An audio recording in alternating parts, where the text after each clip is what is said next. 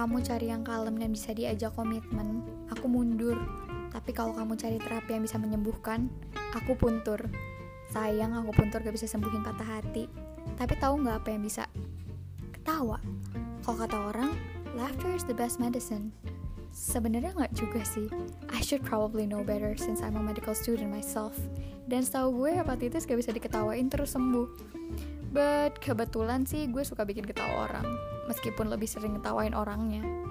Dan karena nggak ada orang, here I am talking to myself, ngebahas entah apa in the hope of bringing laughter to you. Apa yang bakal gue bahas? Gak tahu. Kalau boleh sih bahas masa depan kita. Jadi gimana? Kamu mau maju apa mundur?